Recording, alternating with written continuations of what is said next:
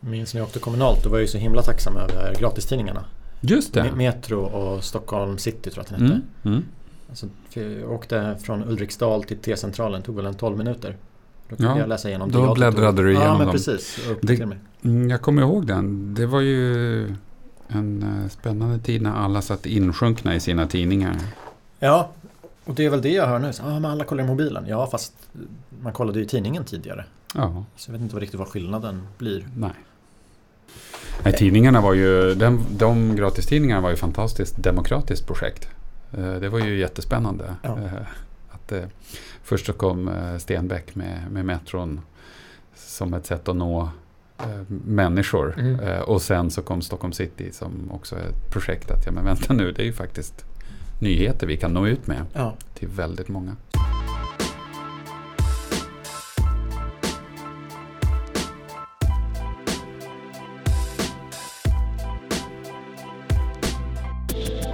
Att betong har en hög klimatbelastning är nog känt för de flesta. Samtidigt är det ett av världens mest använda byggmaterial och i de fall där hus rivs så är det sällan till följd av att betongens livslängd nått sitt slut. Nej, här finns ofta möjlighet till ett vidare liv i en annan konstruktion. Men hur? KTH är ett av fyra europeiska universitet som i det gemensamma projektet Recreate forskar om återbruk av prefabricerade betongelement. Idag återanvänds betongelement väldigt sällan. På EU-nivå är siffran 0% och i Sverige finns det några enstaka exempel. Så om branschen på riktigt vill minska klimatavtryck och avfallsmängder så är potentialen med andra ord enorm. Min nästa gäst är projektledare för den svenska delen av Recreate. Låt mig presentera Erik Stenberg.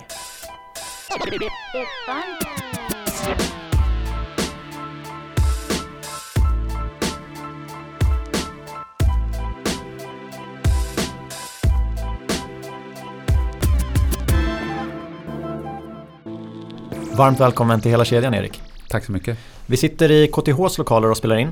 Ja, på Arkitekturskolan. Ja, det till och med. Mm. Och det är här du spenderar huvuddelen av, av din tid. Vad gör du om dagarna? Ja, jag kommer hit och så är jag här antingen som lärare med studenterna som då är på, på tre plan här i huset eller så eh, forskning. Då sitter jag mycket i möten men jag svarar ju på mail och ehm, gör lite läsa och skriva också. Och hur länge har du gjort det? Oj, jag har varit lärare i 25 år. Ehm, och sen så forskningen är väl de sista 10 åren som det har tagit fart. Men du har en arkitekturutbildning i, i grunden. Mm, jag är utbildad till arkitekt i USA och sen så har jag praktiserat både där och i Sverige. Och när du gick den utbildningen, var det läraryrket du såg framför dig eller hur har de tankarna gått? Nej, absolut inte. Det, det, jag tycker ar- arkitekt är ju någon typ av hägring som jag hela tiden har sträckt mig efter. Så att jag, jag började när jag var liten och ville bli arkitekt. Men sen visste jag ju inte riktigt vad det var. Så det har hela tiden förändrats. Det förändrades under utbildningen. Det blev ju större och vackrare och bättre. Och mer spännande eh, under utbildningen. Och sen så kom jag ut i arbetslivet och så var det ännu större, vackrare och svårare och konstigare. Och så har det förskjutits. Men jag tror att jag gick just i en tid och en utbildning som eh, väldigt många av mina kompisar från den tiden har antingen blivit lärare eller på något sätt skrivit eller funderat kring ar- arkitektur på ett sätt som inte bara är genom praktiken. Så att jag tror att vi, ehm, vi fick det lite i utbildningen. Det här är superintressant för varför tror du att det blev så?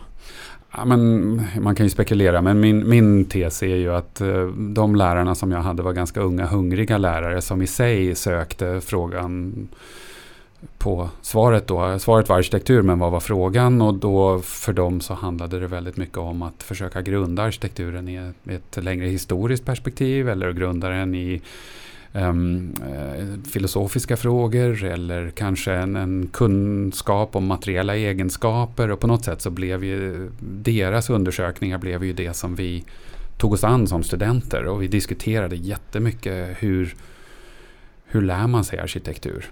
Um, just för att vi försökte förstå ämnet, inte bara lära oss yrket. Om en lärare har den påverkan på en hel klass. Du är ju lärare idag. Hur, vad brukar du tänka att du vill förmedla till dina elever? Ja, men det är ju samma sak. Det är ju inte den här hetsen att uh, det är um, jag som har ett svar som ni ska lära er av mig men mycket mer att jag är här för att diskutera de här frågorna med er.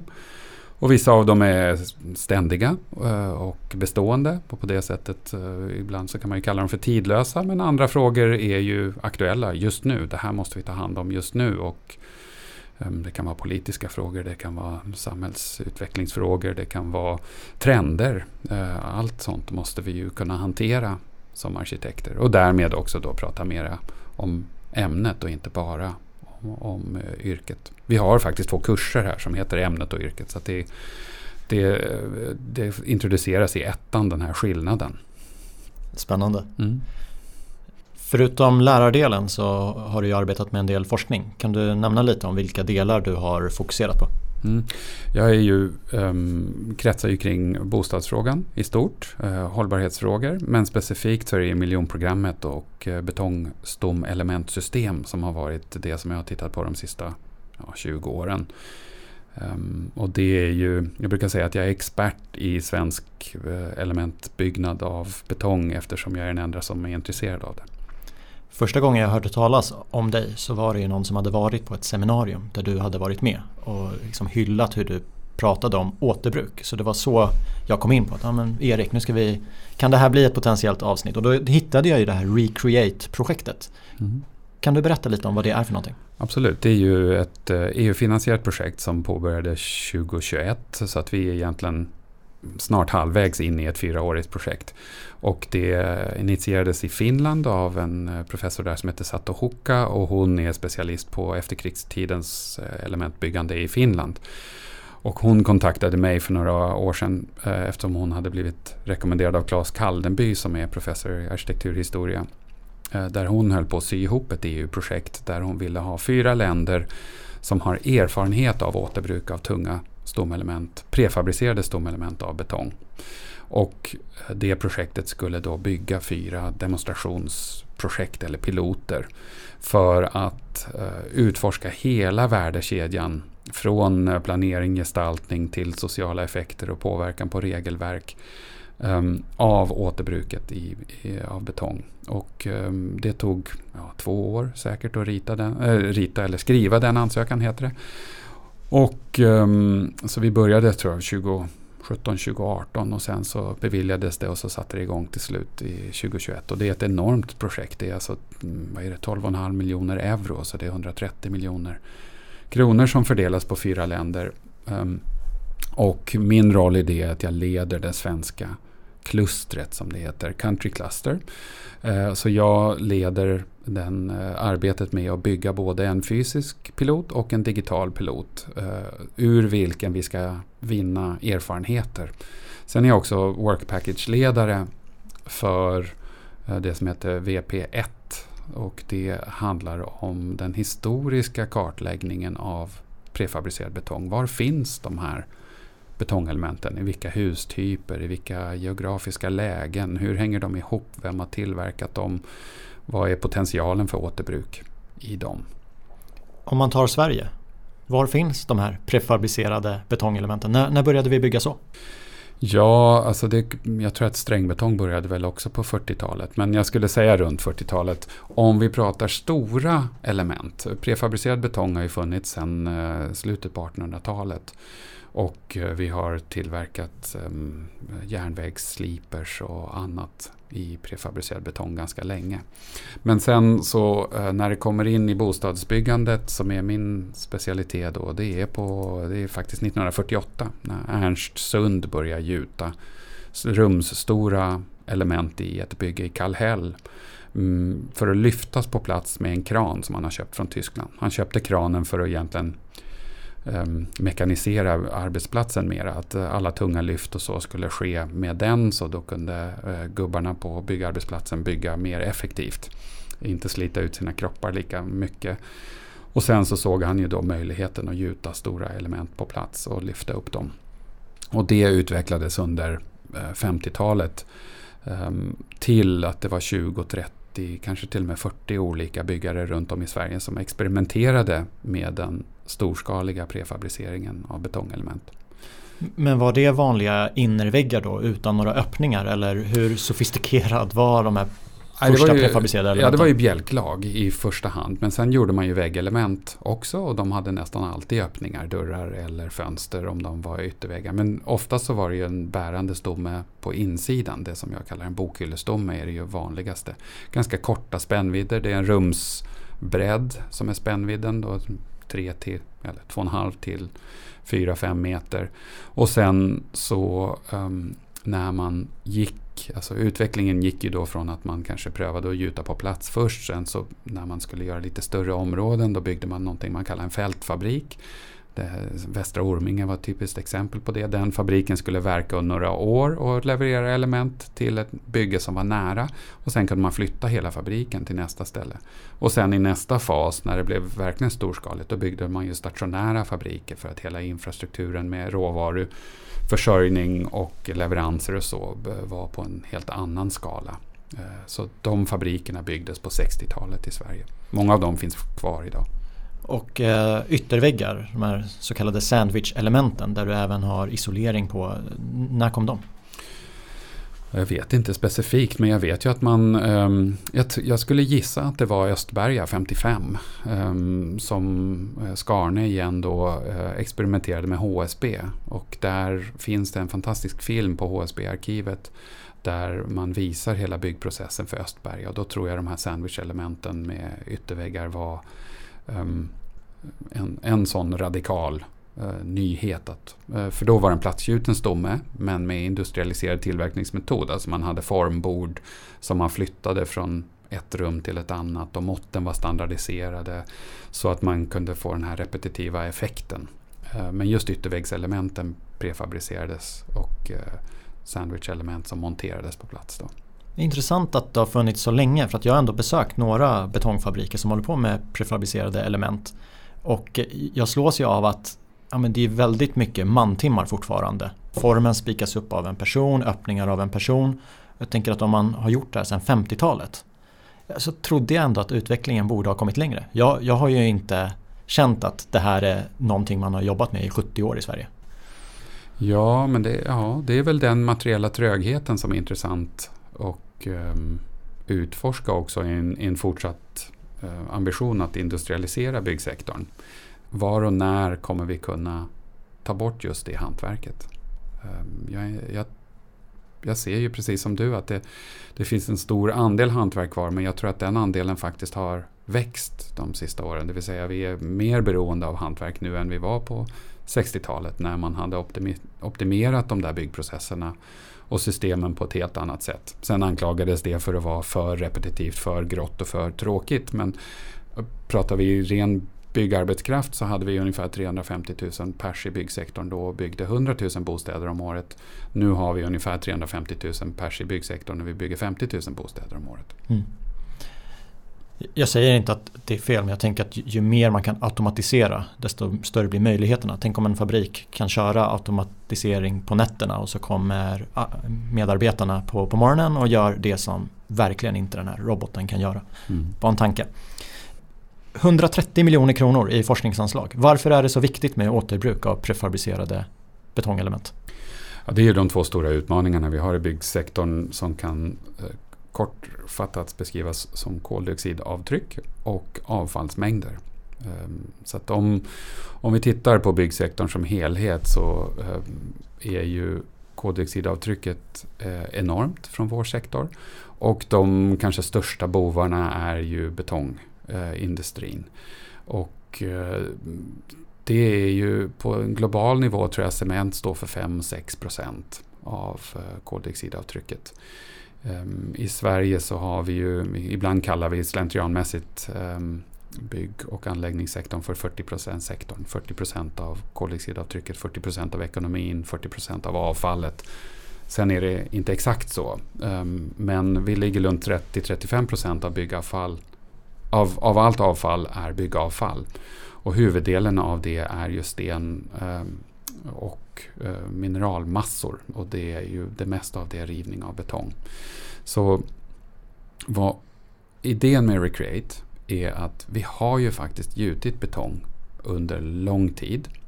Och väldigt mycket av det är prefabricerad betong. Varför inte testa att istället för att återvinna den betongen som vägkross eller som material för fyllnad på något sätt.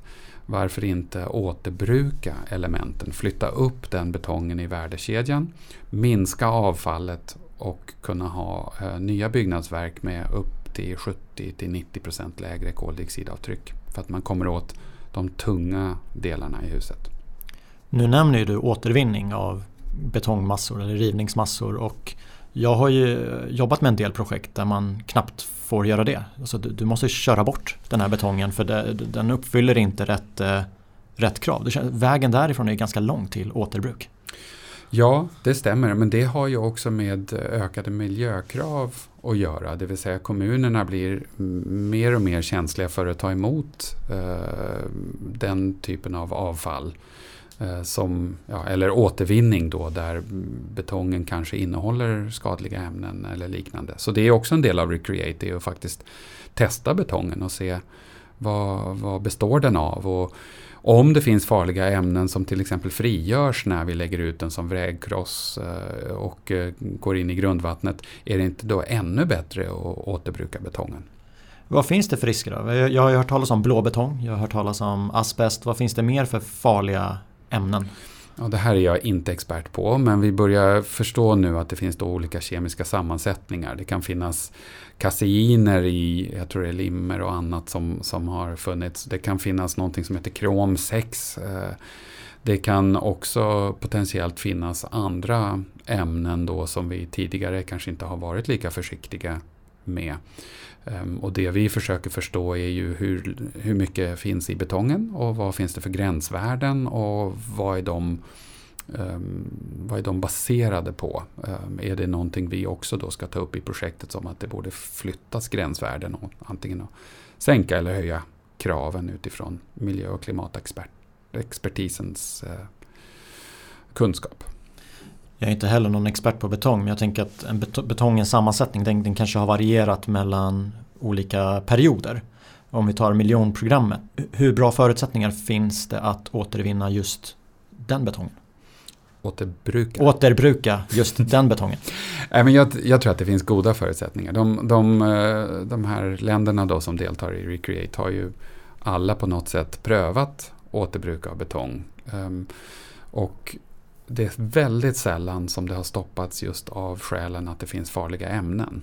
Um, jag, jag, kan inte ens komma på något fall. Så i Sverige har vi ju på 80, 90 och 00-talet uh, eh, i, i Göteborg och i Norrköping och jag har hört talas om några andra projekt uh, testat att göra fullskaliga återbruksprojekt. Um, och de uh, elementen hänger ju kvar idag eller står kvar idag utan problem. Så att just av klimatskälen, eh, eller förlåt, miljöskälen med farliga ämnen så tror jag inte att det kommer att vara eh, det största hindret. Jag tror att där kommer vi kunna um, testa och vara säkra om det finns vissa byggnader som har dålig betong. Då kan vi absolut undvika att återbruka dem. En annan del är ju betongens livslängd. Det finns ju lite olika uppgifter på det. När jag satt i skolbänken på KTH sa de att betongen härdar i 50 år och sen så tappar den i hållfasthet kommande 50 år. Så man kan säga att betongens livslängd är 100 år. Stämmer det?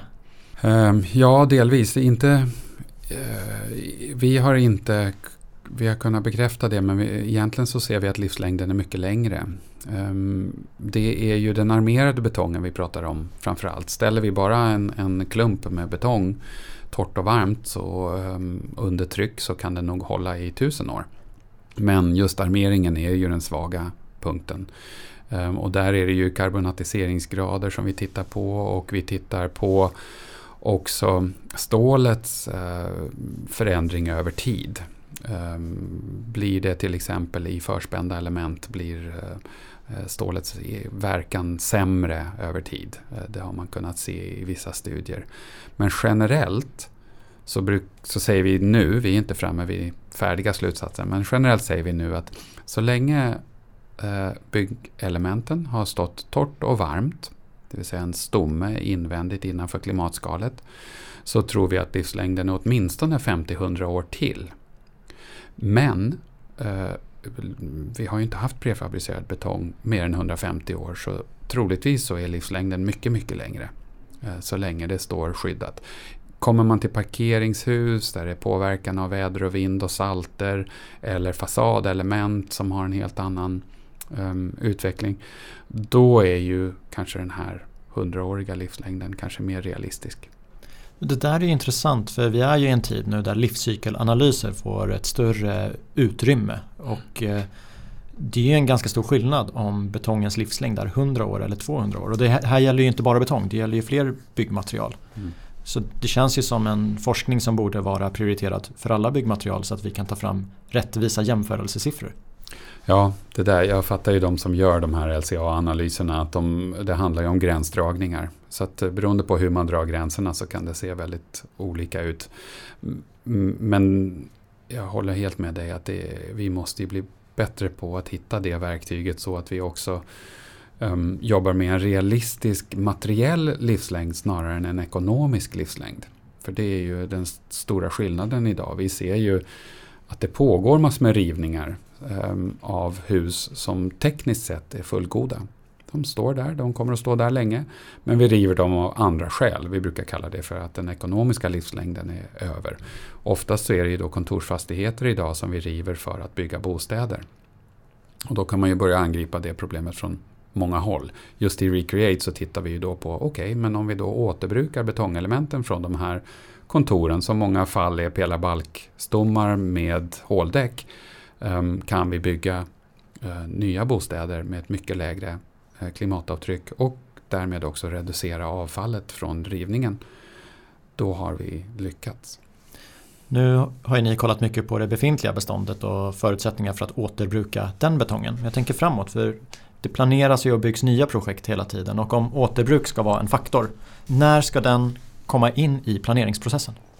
Det finns ju ett annat um, projekt som pågår i Sverige håller på att avslutas just nu som heter Återhus där man har tittat också på prefabriceringen och återbruket.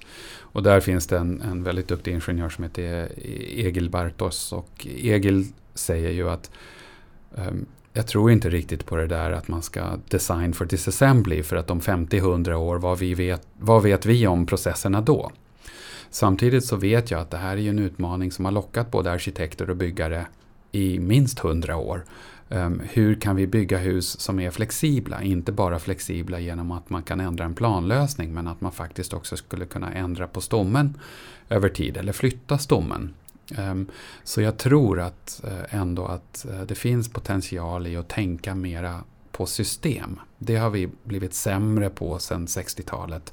Då tänkte man väldigt mycket i systembygge. Ehm, och nu bygger vi ju varje hus väldigt specifikt. Ehm, och de eh, systemen ehm, som finns då i ett hus, antingen att det är måttkedjor eller att det är ett antal delar som används eh, om och om igen. De ehm, blir specialiserade i varje hörn eller i varje planlösningsdetalj. Så går man emot det där systemet och till slut när man bygger huset så är det bara massor med specialdelar. Och om vi tittar på det då om 50 år när det huset ska återbrukas då kanske det är en sämre förutsättning att det inte finns eh, likadana delar eller att det finns ett system som kan byggas upp på ett annat sätt. Ehm, så jag, jag tänker mycket på att rent tekniskt så kanske det är för mycket energi att designa för disassembly. Men rent arkitektoniskt eh, i samhällsbyggandet så tror jag att vi kommer att behöva återanvända bitarna och då måste de vara mer som legobitar var förr när man hade några få bitar som byggde många olika saker än som lego är idag när man bara kan bygga en jedi av de där tolv bitarna. Jag har ju en bakgrund på bostadssidan och har varit med i många projekt där man har byggt stommar av prefabricerad betong. Och jag vet ju att man försökte alltid optimera spännvidder för det blev billigare. Och det som stoppade var ju ja, men, fabrikernas formbord och även leveransen till, till arbetsplatsen. Det som kunde skilja däremot mellan fabriker det var ju anslutningsdelarna. Man hade olika tekniska detaljer för det där. Och det är väl det som jag tror många stombyggare funderar på idag. Att ja fast om vi ska tänka på demontering någon gång i framtiden. Då är väl anslutningarna en jätteviktig detalj för att kunna återbruka en så stor del av det här elementet som, som möjligt. Speciellt mm. väggar. Vi vill ju inte ha väggsnuttar som är 2,20 höga. Nej, det blir inte bra. Nej. nej, men det stämmer. Alltså, inom Recreate så är det en, faktiskt en, en doktorand som sysslar precis med det. Och han är i Nederländerna. Och um, just kopplingarna och hur um, vi hanterar de befintliga um, kopplingarna som finns. Uh, så att vi kan få så stor del som möjligt att återbruka. Men sen också hur vi gestaltar de nya. Det är eh, som du säger otroligt viktigt. Ehm, jag tror att vi har lite tur här i norra Europa också att vi inte drabbas av jordbävningar. För då hade ju de där kopplingarna sett helt annorlunda ut. Då hade det ju varit, jag brukar ibland nämna Chile som ett exempel där man egentligen bygger stålstommar och så fyller man i med betongelement. Eftersom jordbävningsrisken är så stor där att man kan inte ehm, riskera att, att huset faller det finns säkert de eh, inom bygg som beklagar sig över att vi i Sverige ändå tvingas gå efter eurokoden som eh, komplicerade saker och ting om man får använda deras egna ord. Mm. Ja, det, det, eh, vi jobbar ju med i så fall att kunna påverka eurokoden kring återbruk. Men jag tycker det är ändå bra med den typen av regelverk.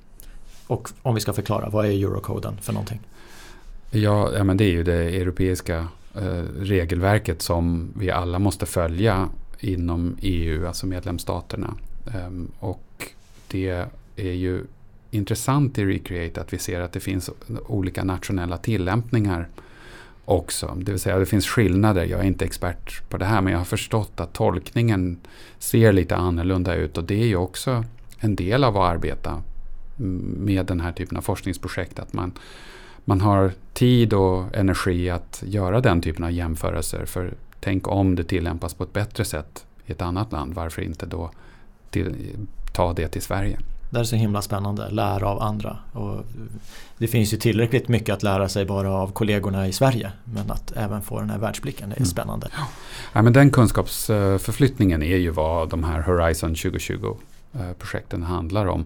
Det här återhus till exempel, det är ju finansierat genom Vinnovas utmaningsdriven innovation. Då handlar det om att ta fram innovationer som ska gynna det svenska ekosystemet. Um, och sen så är det ju bra då att ha ett EU-projekt för då tar vi också den kunskapen ut och jämför med de andra länderna. Så jag, jag, tycker att det är, det är en viktig del att komma ihåg uh, i just var sker innovation och utveckling och hur förflyttas den kunskapen. Då har vi varit inne på att ja, det är bra om vi går mot att ha färre unika delar men med hjälp av dem kunna bygga unika hus ändå. Vi har varit inne på anslutningsdetaljerna, vi har varit inne på eurocoden. Betongens sammansättning, är det någonting ni kollar på för att den ska öka i livslängd eller vara bättre lämpad för återbruk?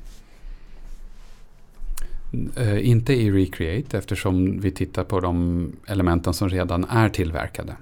Eh, så det, men det finns ju andra forskningsprojekt där mina kollegor här på KTH, Helena Westerlind och José Hernandez, de har ju ett projekt som heter Digital betong till exempel. Som man kortfattat kan säga det är 3D-printingen av betong. Men vad de också tittar på är ju just att ha rätt sammansättningar av betong på rätt ställe i elementet. Så de tycker till exempel generellt att det har varit eh, under lång tid en materiellt slöseri av att vi, vi tar ett betongelement som då ska vara bärande i viss del. Och så tar vi den kvaliteten på betongen och så gjuter vi hela elementet i det.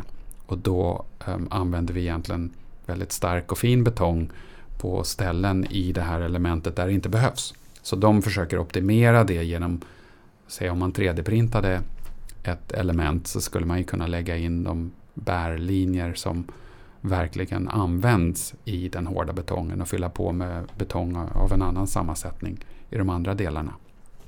Det där är superintressant. Fossilfritt Sverige var inne på samma sak. Att eh, deras uppfattning är att bygg ibland kanske gör det lite för enkelt för sig eller för oss att ja, men en betonginnervägg den ska vara 200 mm.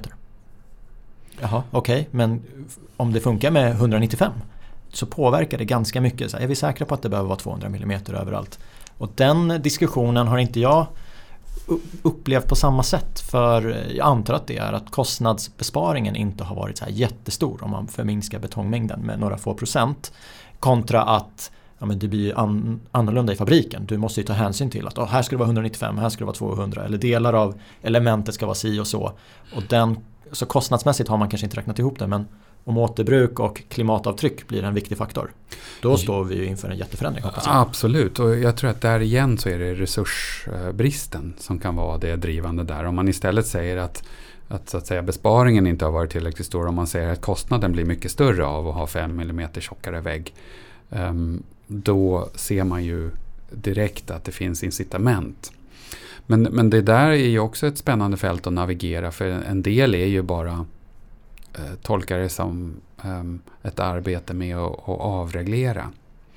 Eh, alltså att man vill bara ha färre regelverk och därmed så kommer byggsektorn att bygga fler hus. Eh, eller bättre hus. Ehm, min erfarenhet är ju att det är den här komplexa och komplicerade relationen mellan kunskap som utvecklas på um, universitet och sen så är det innovation på byggföretagen men regelverk också. Det vill säga det finns en piska morot-verkan i de där regelverken. Så att och bara säga plötsligt att eh, innerväggar av betong skulle kunna vara 150 mm um, för att spara resurser skulle kunna påverka många andra frågor. Jag tänker på ljud krav eller liknande. Så att den där helhetsbilden måste vi också eh, balansera varje sån fråga med och det gör, eh, det gör att vi har en tröghet i, i systemet just nu. Och den trögheten eh, är ibland bra och ibland dålig. Men du har ju sagt att affärsmodellerna för återbruk finns inte och alla delar av byggsektorn är anpassade efter nya material. Vilket ska komma först? Är det regelverket eller affärsmodell eller hur, hur samverkar de? Jag tror ju att vi, vi, ja, hur ska jag svara på den? Nej men det, eh, det är lite hönan och ägget. Eh, och vi har ju, om man tittar på färdplanerna så säger ju industrin att vi kan ta hand om det där själva, men det händer för långsamt kan man säga. Och sen så kan man titta från andra hållet, ja men vi behöver regelverk som gynnar eh, det cirkulära och premierar eller incentiviserar eh, att vi cirkulerar byggmaterial. Eh, men det går också för långsamt. Så att eh, jag vet inte längre om man kan säga att det är den ena eller den andra. Båda eh, perspektiven måste tillämpas. Eh, det, vi, vi vet ju att återbruk har en klimatnytta. Där kan vi egentligen inte diskutera tycker jag. Vi vet ju att um, det är möjligt tekniskt sett att återbruka stomelement av betong. Eh, och vi vet att det finns massor med prefabricerad betong för att vi har haft väldigt många duktiga tillverkare av prefabricerad betong. Ehm, de tillverkarna har haft ett motstånd, alltså materialleverantörerna har ju haft en, typ av motstånd till återbruk för att det har varit för billigt eh, att producera nya. Men om de verkligen trodde på sin produkt så borde de väl ändå säga att ja, men det här är ju det bästa att återbruka. Sluta krossa våra element. Eh, skicka tillbaka dem till oss. Vi tar hand om dem och skickar dem vidare. Eh, och det är samma sak med ehm, regelverk kring ehm, nyproduktion. Vi siktar in oss på trä. Eh, men trä kan ha en klimatpåverkan som är god om man tittar på liksom att det är 30-40 procent lägre koldioxidavtryck. Eller vi siktar in oss på klimatsmart betong, 10-20%. Men vi pratar 70-90% om vi cirkulerar material. Varför kommer vi inte förbi att det bara sker piloter? När ska det skalas upp? Det kräver ju um, både då att det finns de rätta incitamenten och att det finns företag som tänker om sina affärsmodeller. Det där är intressant för eh, jag jobbar som beställare ibland. Tänker att om jag får frågan så här, men ska du inte använda återbrukade delar i, i, det här, i den här byggnaden? Ja men ja, visst, det är liksom, visst jag får ju läsa på lite vad det innebär. Men sen så kommer ju kostnadsdelen och det kanske är att affärsmodellerna idag inte är anpassade så att det kanske inte alltid är lönsamt att använda ett återbrukat bjälklagselement kontra ett nytt. Det, det, har ju du varit inne på. Mm. En annan del är ju ansvar och garantifrågor. Mm. För om jag använder det här demonterade bjälklaget från ett projekt som byggdes för 50 år sedan. Vem ska ansvara för den garantin? Mm. Hur, hur, kan jag som byggherre på något sätt få till ett godkännande att vi, vi försäkringsbolaget, vi tycker att det är helt okej okay att du använder det här bjälklaget? Mm, det där eh, är precis vad vi också jobbar med inom Recreate. Och vi har ju, eh, när vi byggde piloten i Helsingborg så har vi tagit eh, och återanvänt den eh, modellen som byggdes fram eller togs fram i återhus. Och det är ju egentligen en sexstegsprocess där man okulärt besiktigar, man gör provkroppar, man provtrycker, man kollar för eh, farliga ämnen, man testar både före och efter demontering. Eh, och därmed så får man en kvalitetssäkring som ingenjörerna kan eh, acceptera och sen slutändan byggherren måste godkänna. Eh, men det är en ganska kostsam och ganska komplex process. Den funkar för enstaka piloter. Ska vi skala upp det där så måste vi ha både CE-märkning av återbrukade element. Det måste finnas en, standardisering, en standardiserad process och det måste finnas en uppskalningsmöjlighet. Mm, om jag tittar tillbaka till när vi började producera prefabricerad betong så gjorde vi ju samma sak. Först testade vi ju elementen och hade gubbar som gick runt på byggarbetsplatsen och såg till att eh, kvaliteten var god. Sen så fattade vi att ska vi producera riktigt många element då måste vi ju eh, godkänna fabrikerna. Så då skickade man ju ut gubbar som kontrollerade att fabrikerna höll en typ av ISO-certifiering eller liknande för att kunna märka alla elementen. Och, och, nu tänker jag att när vi står i ett läge och vi ska försöka återbruka de element som inte var tänkta att återbrukas. Då kanske man måste gå in i en fastighet och säga att den här fastigheten är ju faktiskt byggd av en materialleverantör som är väldigt duktig. Vi vet det historiskt. De här elementen är de som är lågt hängande frukter. Vi testar där och där och därmed så kan vi godkänna hela ehm, beståndet av element i den här fastigheten. Det, den, den typen av frågor tittar vi ju på um, i Recreate. Kvalitetssäkringen trodde vi ju skulle vara den stora puckeln. Uh, men det är ju snarare tillämpningen av det och vem som äger frågan som uh, är svårare. Och det pendlar ju där. Uh, vem är det som ska ta risken eller göra affären eh, just kring den kvalitetssäkringen? Um, jag tror ju att det kommer att finnas rivare som ser att här har vi faktiskt större avsättning eller annan avsättning om vi eh, behåller elementen och eh, testar dem på det här sättet. Eh, vi kommer att ha materialleverantörerna som jag återkommer till. Jag tror att om man köper från strängbetong eller Contiga eller någon i framtiden så kanske vi inte ens frågar om det är återbrukade element eller inte för att det tar de hand om. De levererar det vi har beställt. Ehm, och de kanske hade ett stort parti av håldäck som funkade jättebra för den där fastigheten. Eller så blir det en ny aktör um, som kliver in. Inom återbruk så har vi sett de aktörerna jobba med lättare delar tidigare. Nu de här tungare delarna ställer lite högre krav.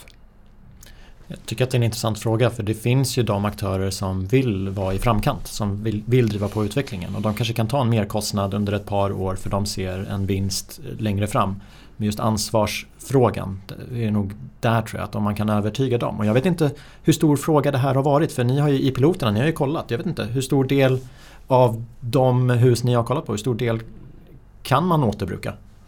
Ja, men det var det jag sa tidigare. Jag, jag har, har egentligen inte stött på de fallen ännu där vi inte kan återbruka det. Um, men vi har ju inte, vi har inte gjort någon heltäckande. Vi, de som vi har gjort den här omfattande testningen på det är ju från Ja, i, I återhus så är det väl en tre, fyra fastigheter och i um, Recreate så är det um, Helsingborgs hems flerbostadshus på Drottninghög. Och, och, vi har inte analyserat alla prover ännu. Vi vet att tekniskt så gick det att bygga ihop huset men till exempel de um, frågorna om, om farliga ämnen de är inte helt utredda ännu. Så att eh, när Recreate är klart 2025 då ska vi kunna ge en tydligare bild Um, och, och kunna förhoppningsvis eh, föreslå också att eh, ja, men det här är den modellen som vi tror mer på. Det finns ju säkert många som, som är intresserade och, och förutom an, ansvarsfrågorna så finns det ju också att man får ju förändra sin process lite grann. Jag menar, designprocessen, så som vi jobbar i samhällsbyggnadsbranschen idag. Det vet ju du, om du ska bygga ett flerbostadshus eller något annat Det kan ibland vara två år från bygglov till att du börjar bygga eller från att du börjar skissa på huset. Hur, hur påverkar om man tänker återbruk, hur, hur kommer det påverka designprocessen? Ja, men jag tror att det påverkar på många sätt. Ehm, det, det som du pratar om är just ehm, processen fram till att sätta spaden i marken. Ehm, där tror jag till exempel att man, man kanske inte hittar den matchning eller den um, tidslinjen som precis passar med en demontering. Uh, och om man inte kan ha stora lagringsytor, man, man letar ju stora lagringsytor och det finns på ett sätt, men det, Eh, jag, jag, tror ju att vi, det måste vara ganska väl matchat i tid eh, om man ska återbruka betongelement. Så att det inte blir ehm, um, lång lagring och liknande. Och då kan det vara så att man lämnar in ett bygglov på en fastighet utifrån element som man tror man kommer få för att rivningen kommer att ske efter man har lämnat in bygglovet. Och sen så får man reda på på grund av en planprocess eller annat att det rivningslovet inte eller den rivningen inte kommer att ske. Och då får man plötsligt inte de elementen. Och då har vi ställt oss frågan måste vi lämna in bygglov för två olika hus för att vi har, måste gardera och ha två olika alternativ till element. Det blir lite olika mått. Vi vet att detaljplaner idag är väldigt snäva. Um, hur, hur hanterar vi det? Eh, är det på detaljplanenivån som man måste börja tänka att återbruk ska premieras?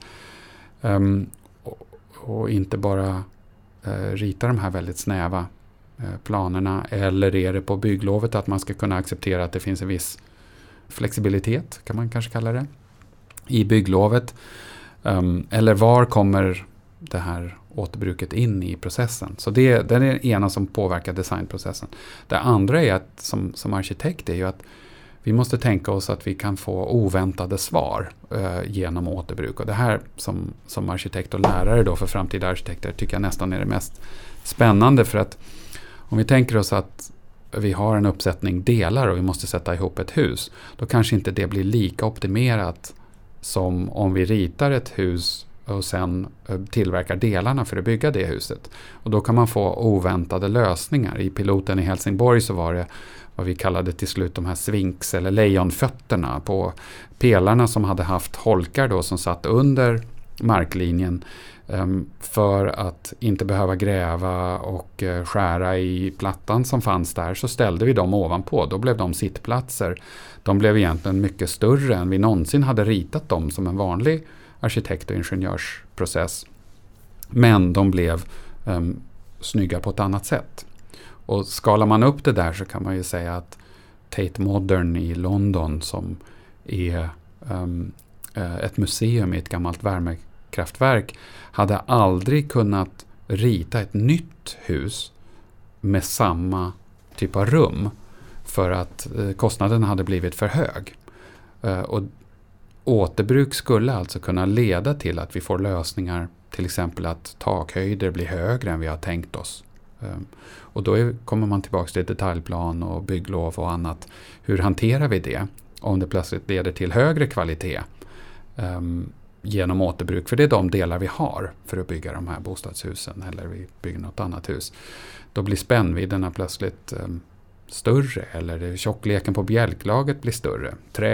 Branschen har ju mött det nu med att detaljplaner är satta efter mått istället för efter våningar. Och eftersom träbjälklagen är lite tjockare så får man inte in lika många våningar och då blir det inte lönsamt. Jag kan tänka mig exakt samma resultat i en designprocess um, kring återbruk. Att plötsligt så får man saker som blir udda men väldigt bra. Och varför ska vi inte då anamma det istället för att bara försöka skära sönder de elementen då så att det passar i ett gammalt tänk.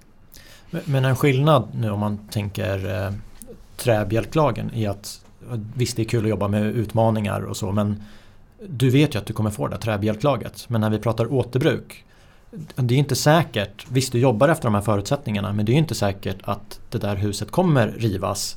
I alla fall, du vet inte det så långt innan din byggstart. Så det är väl lite det jag undrar hur det kommer påverka designprocessen. Eh, just att, ja visst du jobbar med utmaningar men om det inte, ofta har man ju sagt, ah, fast om vi bara kunde göra så här så hade det här huset blivit bättre. Och just mm. i, rama in det. Jag, jag har ju svårt att se hur det kommer påverka designprocessen. Men det blir två lösningar vad du är inne på. Ja, men i, eh, ja, jag tror det. Men i början så om man ska vara krass så betyder det att vi har mindre tid och kostnad för att eh, producera elementen. Men vi har mer tid och kostnad eh, kring projektering. Vi, vi, måste helt enkelt lägga mer tid på att försöka matcha och, och gestalta och ha alternativ. Och vi kan inte låsa eh, designen i kvadratmeter lika fort. Vi kanske måste låsa den i um, system eller i, i måttkedjor. Ehm, och, och, det är en annan eh, det, det, är ett annat sätt att jobba. Vi, vi försöker ju utbilda framtidens arkitekter för att hantera det här också. Att hantera den befintliga miljön som någonting som de kommer att jobba vidare på. Inte att jobba utifrån att det är en tom tomt eh, som man bygger ett nytt hus som man får rita vad man vill på. Det, det är en helt annan Ehm, process för en arkitekt. Och jag föreställer mig att för ingenjören så kommer ju beräkningarna och så kommer vara densamma. Men ingenjörer kanske måste veta ännu mer om det historiska. Ehm, och hur man hanterar det befintliga. Jag såg en bild på det här huset med lejonfötterna. Jag, det såg lite annorlunda ut och då tänkte jag så här, men det hade det inte varit för återbruket så hade det nog inte ritats här och det har ju du själv varit inne på. Men, men det går att bygga. Det står ett hus där och det är återbrukade delar. Ja, det är faktiskt nerplockat igen. Det är till och med. men, men ja, det stod ett hus där. Och du har ju sagt att det går att bygga hus med 90% återbruk. Ja, vi hade i, i vikt, om man tittar på materialsidan så hade vi faktiskt 99% återbrukade material i det huset. Så om man tog byggnadens vikt så var 99% um, Den 1% var ju egentligen de nya kopplingarna i stål um, för att kunna sen också demontera dem mellan de här betongelementen.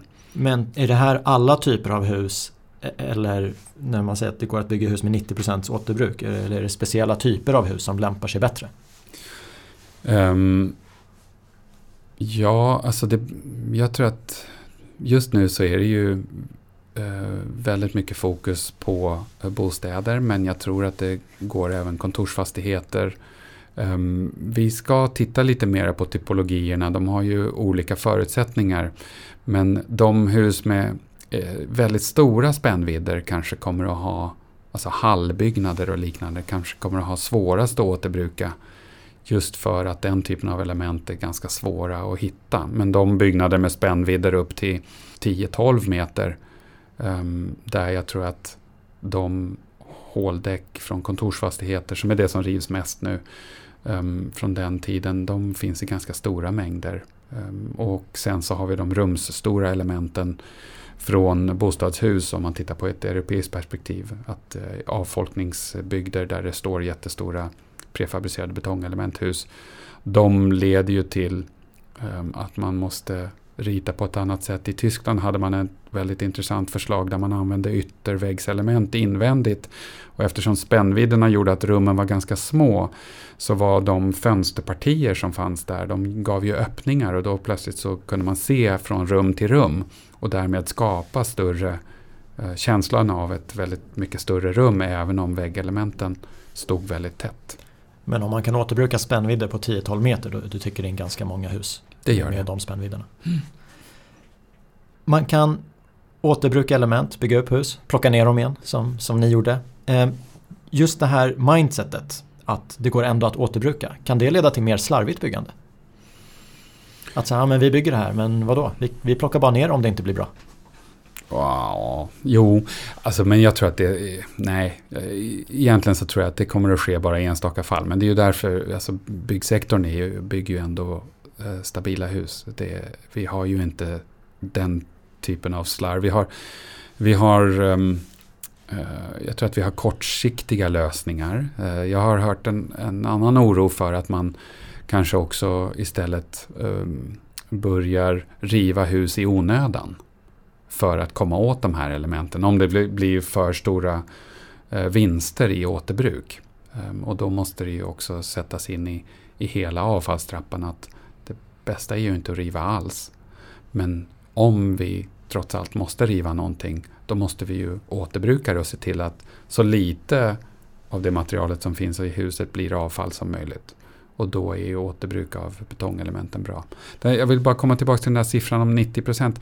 Jag tror att den har ju också med koldioxidavtrycket att göra. Så 70 till 90 procent um, beroende på livslängden och beroende på objektet um, kan man räkna med. Jag tror att kommer vi, alltså de experiment vi har gjort i Sverige historiskt med um, återbruk så, så kan man återbruka 50-70% av en ny byggnadsmaterial så har vi ju enorma vinster också ur resursperspektivet.